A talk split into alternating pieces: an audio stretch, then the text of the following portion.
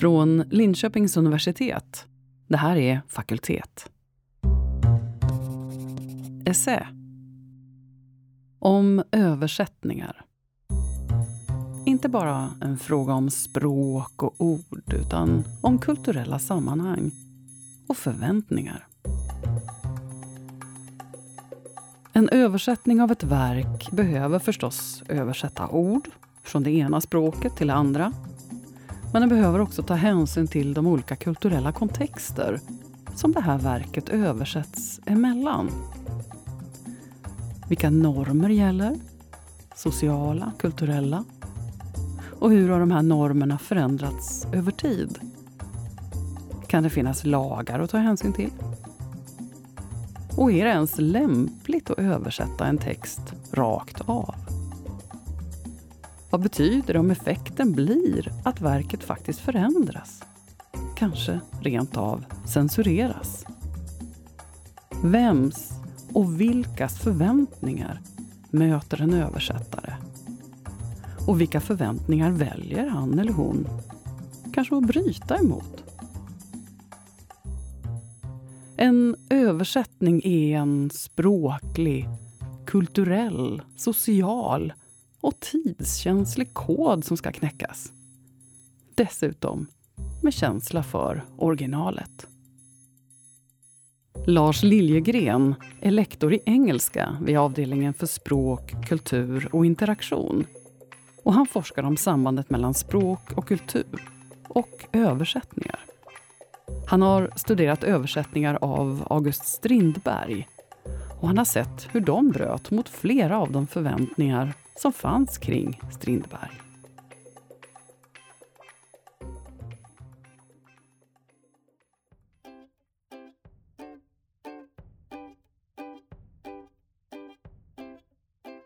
Vad innebär det att läsa en översättning? Skiljer sig till exempel vår kunskap om Shakespeare och Hamlet om vi läst pjäsen på olika språk?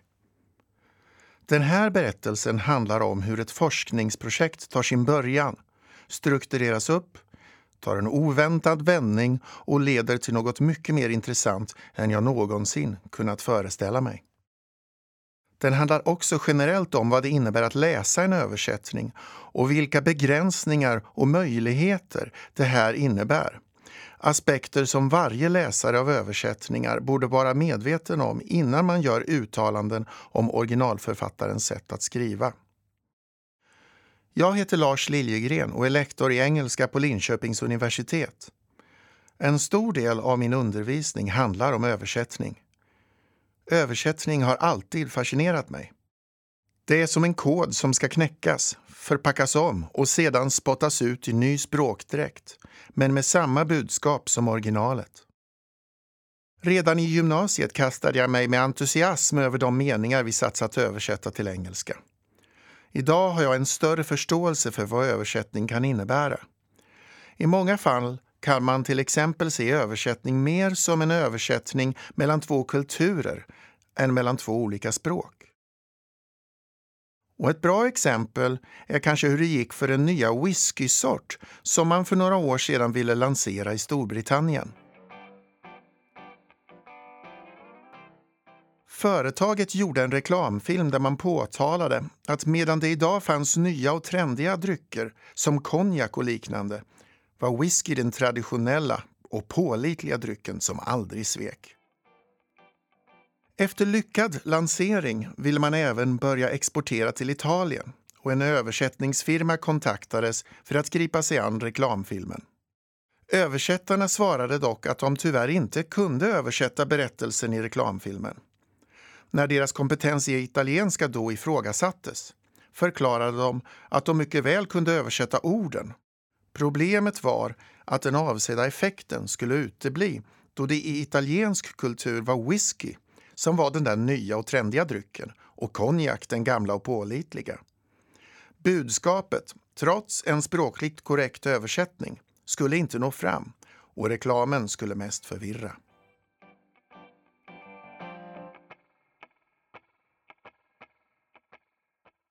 En sån här förståelse För skillnader mellan käll och målkulturen i översättning är väsentlig om man vill förstå varför en översättning ibland avviker från originalet.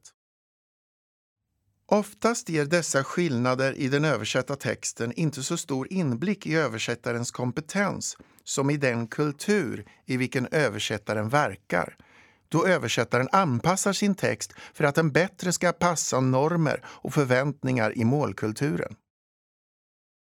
När jag runt 2010 ska formulera ett forskningsprojekt är det självklart att fokus ska vara översättning och med tanke på mitt arbete översättning från svenska till engelska. Vidare borde den svenska författaren vara så pass känd i den engelsktalande världen att hen kan räknas till en litterär kanon även där. I och med det krymper alternativen dramatiskt. Lite drastiskt kan man säga att valet står mellan August Strindberg och Selma Lagerlöf. Då jag är mer inläst på Strindberg faller valet på honom. Jag är inte intresserad av det jag själv kallar akademiskt navelskåderi. Forskning som bara är av akademiskt intresse, men knappast för någon annan. Så jag bestämmer mig för att börja med Giftasnovellerna som utkom i två volymer, 1884 och 1886. Det här då många fortfarande diskuterar och debatterar hur Strindbergs syn på mäns och kvinnors olika roller visas väldigt tydligt i Giftas och då genusdiskussioner ju ständigt är aktuella i dagens samhälle. Från början var min tanke att studera hur man översatt språkliga och även sociala och kulturella fenomen som saknar direkt motsvarighet på engelska. Det här skulle ge en förståelse för de utmaningar en översättare mellan två kulturer ställs inför och vilka strategier som den kan använda för att hitta kreativa lösningar. Jag ser framför mig att jag samtidigt behöver jämföra tre olika verk. Förstahandsutgåvan av Giftas, Ellie Schleusners Married från 1913 och Mary Sandbatches Getting Married från 1972 som är de enda existerande engelska översättningarna. Dock visade sig snart att översättningen från 1972 baserats på den något reviderade Landqvist-upplagan från 1913 året efter Strindbergs död. Alltså har jag fyra böcker att jämföra. När jag sedan noterar vissa märkligheter i den första engelska översättningen upptäcker jag att översättarens tyskklingande namn, Schleusner, har stor bäring på översättningen då det blir tydligt att hon inte ens sett det svenska originalet utan översatt direkt från Emil Scherings tyska översättning Heiraten från 1910. Att sedan Heiraten bara är ett urval av alla Giftas-novellerna och saknar de centrala förorden till Giftas-volymerna gör att även den engelska översättningen blir ofullständig. Då min plan var att jämföra översättning mellan svenska och engelska hade min studie kunnat ta slut här, innan den knappt börjat, om inte för den lyckosamma turen att jag läste tyska i skolan. Nu är jag till sist redo att ta mig an mitt projekt med fem böcker sida vid sida för att jämföra hur sociala, kulturella och språkliga fenomen översatts. Det är i alla fall vad jag tror.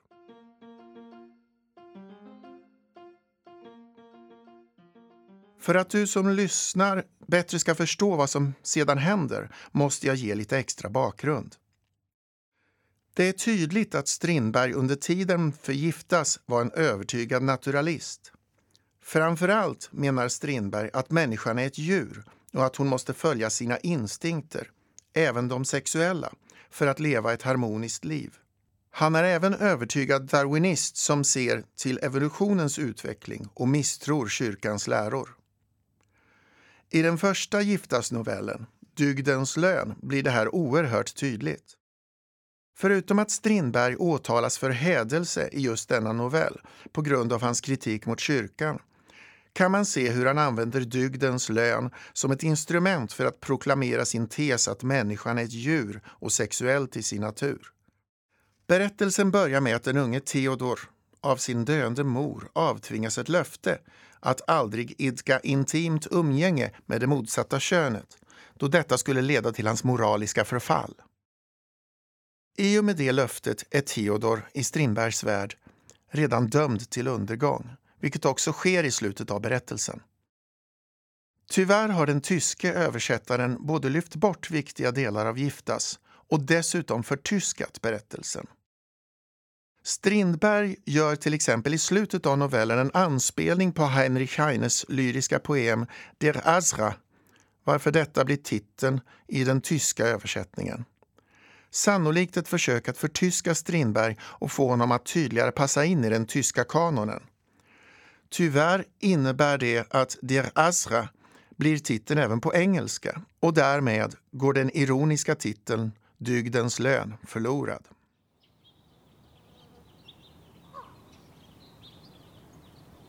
Då Theodors mor dött förflyttas Strindbergs fokus till naturen.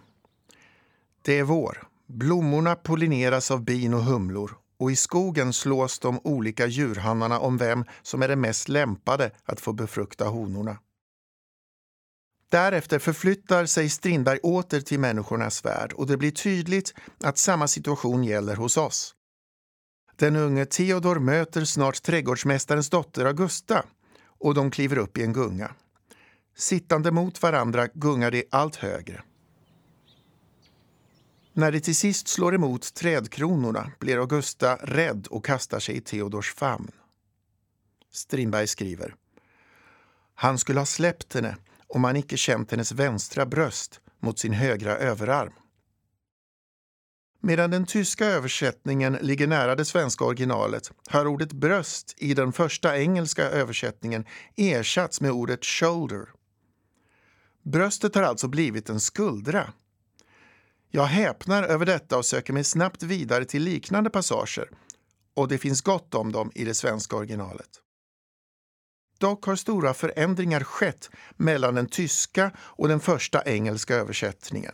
Varje gång det handlar om sexualitet och ofta även när det gäller darwinistiska tankegångar och kritik mot kyrkan. Jag inser snabbt att hela den engelska översättningen genomgått någon form av censur och att just de aspekter för vilka Strindberg och Giftas var ökända har kraftigt mildrats eller helt tagits bort. Strindberg var ju dessutom känd för att vara en god debattör som kunde vara väldigt övertygande när han skrev. Så här finns ju ett annat problem. Strindbergs naturalistiska tes att människan är ett djur med sexuella instinkter som inte bör förnekas behöver ju, som alla teser, finna stöd i texten. I fallet Giftas sker detta till stor del via de sexuellt explicita beskrivningarna som är helt bortplockade i den engelska översättningen. Strindbergs kraftfulla argument som han var känd för faller alltså platt till marken och han lever inte alls upp till de engelska läsarnas förväntningar på honom. Snabbt inser jag att jag helt måste ändra fokus på min avhandling. Den måste, absolut, handla om hur Strindberg förvanskats i engelsk översättning. Censur ska vara nyckelordet för min fortsatta väg. Jag känner hur min rädsla för akademiskt navelskåderi försvinner i en hast och mitt engagemang ökar markant. Ändå har jag i det här skedet ingen aning om hur mycket koppling till nutiden en studie av främst en översättning från 1913 kommer att ha för dagens forskare och läsare. För att visa hur mycket Giftas faktiskt påverkas av den första engelska översättningen ska jag nu ge några exempel. Värt att notera nu, redan från början, är att både den tyska och den andra engelska översättningen håller sig nära originalet och att det med få undantag är den första engelska översättningen av Ellie Schleusner som kraftigt avviker från originaltexten och den tyska förlagan. Efter Theodors möte med Augusta börjar hans sexualitet påkalla uppmärksamhet. I en dröm ser han en kvinna. Strindberg skriver Bar halsen till bröstens stigningar, axlarna runda som modellerade av en mjuk hand. Kläderna falla av för hans blickar och han har kvinnan i sina armar. I den engelska versionen kan vi läsa The slender throat is bare The beautiful sloping shoulders look as if they had been modelled by a caressing hand. She holds out her arms and he draws her to his thumping heart. I den engelska versionen har alltså beskrivningen av brösten helt försvunnit och kvinnans kläder faller inte av. Istället för att Theodor tar tag i kvinnan är det nu hon som sträcker ut sina armar mot honom. Det som i originalet var en erotisk scen har gjorts om till en romantisk sådan.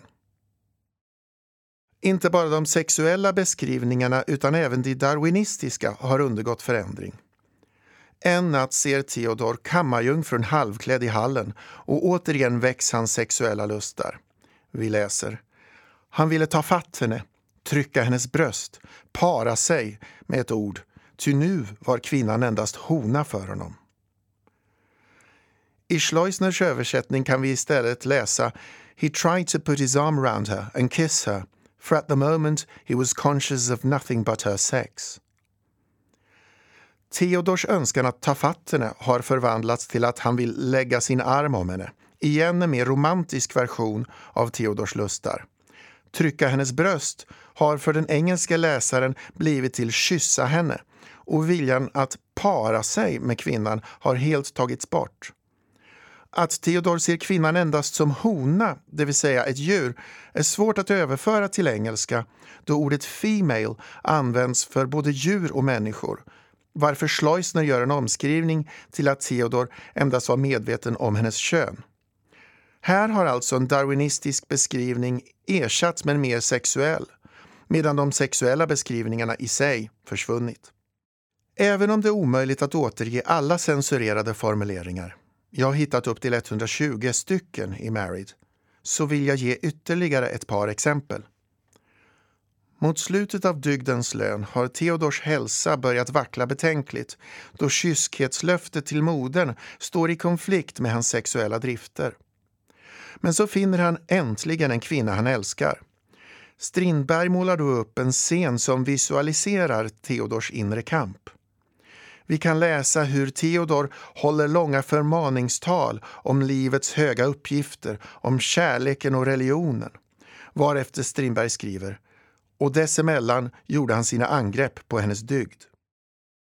Tydligare kan Theodors inre konflikt knappast återges. Men i Married återges det däremot ganska annorlunda. And between while he spoke to her of his passion. Medan Theodor i det svenska originalet alltså omöjligt kan hålla sina sexuella drifter i styr och göra angrepp på kvinnans dygd och därmed bryter mot samhällets normer talar han i den engelska översättningen endast med henne om sin passion. Det här bryter inte alls mot några brittiska samhällsnormer. Istället är det ett uttryck för den höviska kärlek, dyrkan av kvinnan på avstånd utan fysisk kontakt, som var på modet i Storbritannien vid tiden för översättningen. Och så har återigen Strindbergs provocerande sätt att skriva försvunnit. Innan vi överger dygdens lön måste jag beröra det stycke för vilket Strindberg åtalades för hädelse i Sverige. Stycket handlar om Theodors konfirmation och här kallar Strindberg hela konfirmationen för det uppskakande uppträdet. Men det översätts av Schleusner till the moving scene, den rörande scenen som beskriver en positiv känsla och nästan motsatsen till Strindbergs uppskakande uppträde. Att Strindberg även kallar konfirmationen för det oförskämda bedrägeriet har helt tagits bort. Att Jesus av Strindberg kallas folkuppviglaren har skrivits om till the great agitator, den store agitatorn, vilket alltså beskriver Jesus i mycket mer positiv dager. Många fler skillnader finns i Schleusners översättning av denna passage men redan nu borde det stå tydligt att en engelska läsare som vill veta hur Strindberg skrev, vad Strindberg sa om kyrkan som var så farligt att det ledde till åtal, eller den läsare som undrar var gränserna gick för vad man fick säga om kyrkan i Sverige på 1880-talet, kommer att få en ganska felaktig bild. Just bilden av Strindberg i och utanför Sverige är något min avhandling också tar upp. I den engelsktalande världen var Strindberg känd som den galne svenske vikingen, den förbannade vikingen, kvinnohataren, den galne svensken och så vidare. Jag har hittat ett nyhetsinslag i några olika brittiska lokaltidningar där man redan 1892, långt innan Strindberg dyker upp i engelsk översättning, under rubriken Generella nyheter, tillsammans med sina läsare gottar sig åt att svenskens andra äktenskap nu gått i kras. Man skriver om skilsmässan här i min översättning.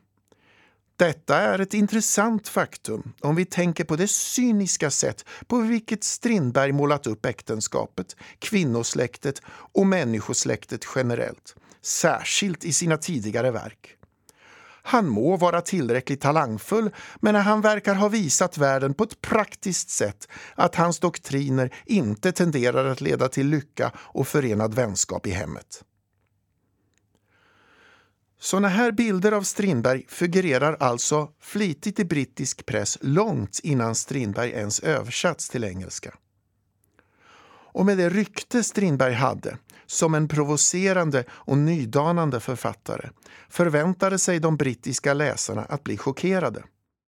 När de slutligen fick läsa de första, delvis censurerade översättningarna av Strindberg stämde bilden de fram tills dess målat upp av Strindberg dåligt överens med den bild av författaren som framkom i flera av de här översättningarna.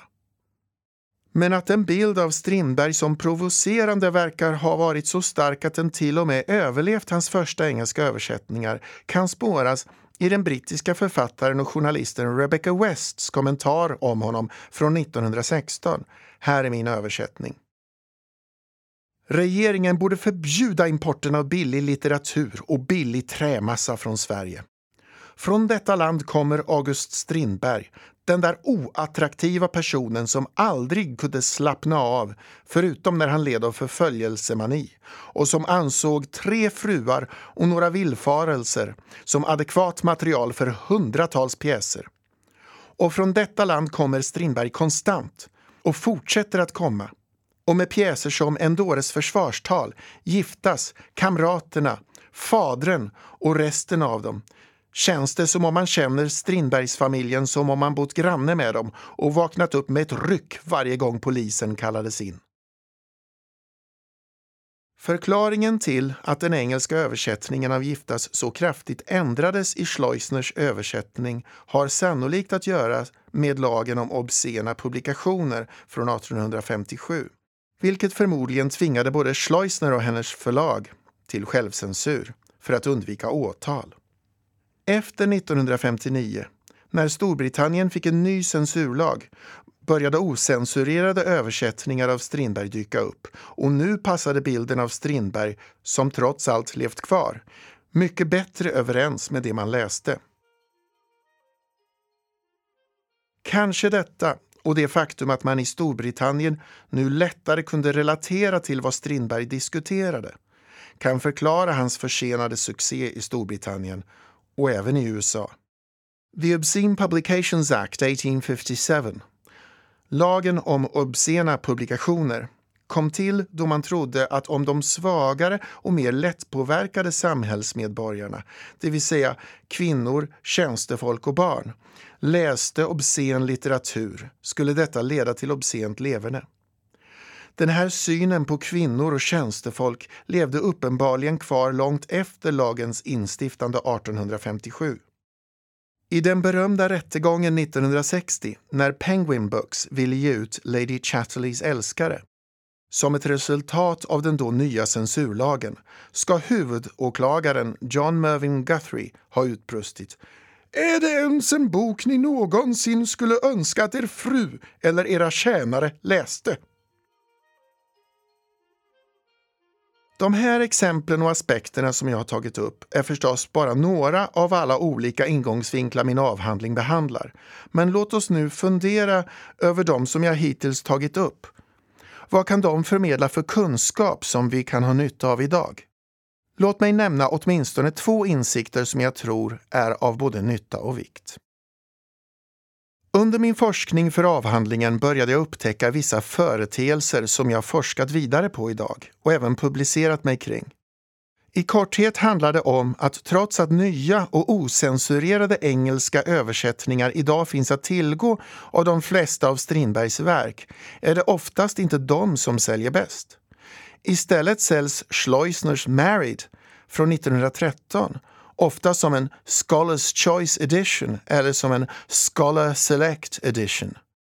Man saluför alltså dessa översättningar, skrivna under en gammal censurlag, som verk som lämpar sig särskilt för forskare, trots att det finns moderna och osensurerade versioner att tillgå.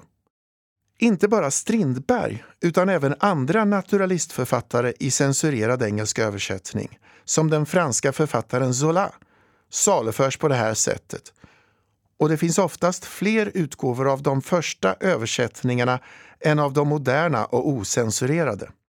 Sannolikt beror det huvudsakligen på att de gamla censurerade översättningarna varken har copyright eller kräver ersättning till den sedan länge avlidna översättaren. Det är helt enkelt good business som man döljer med flashiga omslag och intresseväckande baksidestexter även när dessa censurerats. Den här situationen är inte heller bara begränsad till bokmarknaden. Encyclopedia Britannica Academic, till exempel, listar bara de första översättningarna av Strindbergs verk som alla har det gemensamt att de skrevs under censurlagen från 1857. Jag har hittat en kurs i dekadenslitteratur vid ett brittiskt universitet där Strindberg förekommer i censurerad översättning på litteraturlistan tillsammans med gamla översättningar av andra dekadensverk från Europa som sannolikt också har censurerat. Och det här trots att det finns moderna och därmed osensurerade versioner att tillgå. Jag har vidare hittat ett flertal akademiska artiklar och även böcker där man diskuterar Strindberg och citerar censurerade partier. En källa nämner till exempel att Strindberg blev åtalad för giftas i sitt hemland och därefter hänvisas till den första engelska översättningen där vi just sett att allt för vilket Strindberg åtalades är borttaget. En artikel handlar om Strindbergs syn på kvinnan i Endores försvarstal. Man citerar passager utan att förstå att i dessa har Strindbergs argument mot monogami och hans beskrivning av kvinnofrågan som ett svindleri helt försvunnit. Listan på liknande problematik kan göras lång, men helt klart är att det råder en okunskap bland många i den akademiska världen om den grad till vilken gamla översättningar kan avvika från sina källtexter. Och det är här jag vill fortsätta min forskning. Den andra insikten för hur min forskning kan vara relevant för dagens situation kanske kan anses vara av ännu mer generellt intresse. Vi som läser böcker läser väl alla även böcker i översättning. Om det är någonting min forskning har visat är det sannolikt hur mycket en översättning kan avvika från sin källtext. Ändå vågar jag påstå att vi sällan problematiserar detta. Vi läser gladeligen både Austen och Lorca i svensk översättning och menar sedan att vi just har läst dem. Men har vi egentligen gjort det? Enligt många recensenter har vi det. Och både de och läsarna kan tala om hur mycket de uppskattar Lorcas språkbruk eller Austens meningsbyggnad. Problemet är ju att varken Lorca eller Austen någonsin skrivit ett enda svenskt ord i översättningarna. Orden, och därmed grammatiken och språkbruket, är inte deras. Istället är det översättaren som tvingas överföra Lorcas språkbruk så att det passar in i svenska språkregler och strukturer. Därmed är språket främst översättarens, vars namn i bästa fall nämns i en bisats, ibland inte alls. Vi kan jämföra denna situation med en målares verk. En känd målare har målat ett motiv i olja. Därefter kommer en person in vars uppgift är att kopiera oljemålningen. Men precis som en översättare måste använda sig av ett annat språk måste den kopierande målaren måla med akvarellfärg istället. Det blir då problematiskt när recensenten av akvarellmålningen talar om originalmålarens djärva färgsättning och fina penselteknik. Så är vi tillbaka där vi startade. Vad innebär det att läsa en översättning? Skiljer sig vår kunskap om Shakespeare och Hamlet om vi läst pjäsen på olika språk? Är det ointressant att läsa översättningar? Absolut inte. Precis som betraktaren av akvarellen ser samma motiv som i originalet i olja kan läsaren av översättningen sätta sig in i intriger och teman på ett sätt som oftast ligger helt nära originalet. Oftast är det ju även själva berättelsen som är det mest intressanta för de flesta av oss. I min forskning har jag dock påvisat hur till och med berättelsen i vissa fall kan ändras avsevärt och i länder med statlig censur hör det till vanligheterna, även i våra tider. Värt att notera är dock att en översättning inte behöver vara en blek kopia av originalet.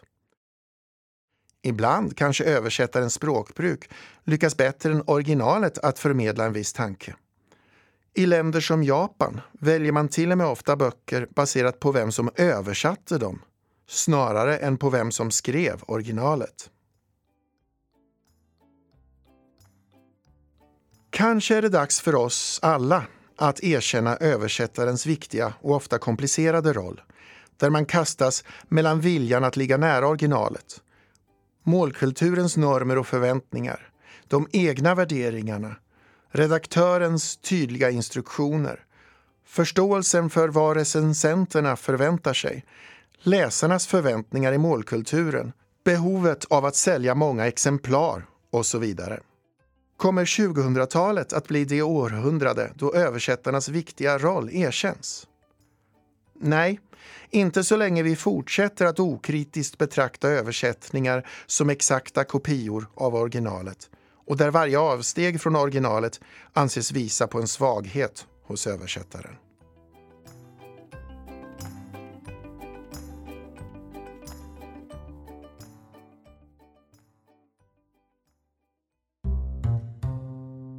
Lars Liljegren, lektor vid Linköpings universitet. Om översättarens komplicerade roll när en språklig, kulturell, social och tidskänslig kod ska knäckas. Och om den där fingertoppskänslan kring att bevara ett original. Från Linköpings universitet. Det här är Fakultet. Essä. Jag heter Anneli Norberg. Vill du lyssna på fler podcasts från Linköpings universitet? Ja, då finns de där poddar finns eller på liu.se podcast. Vi hörs!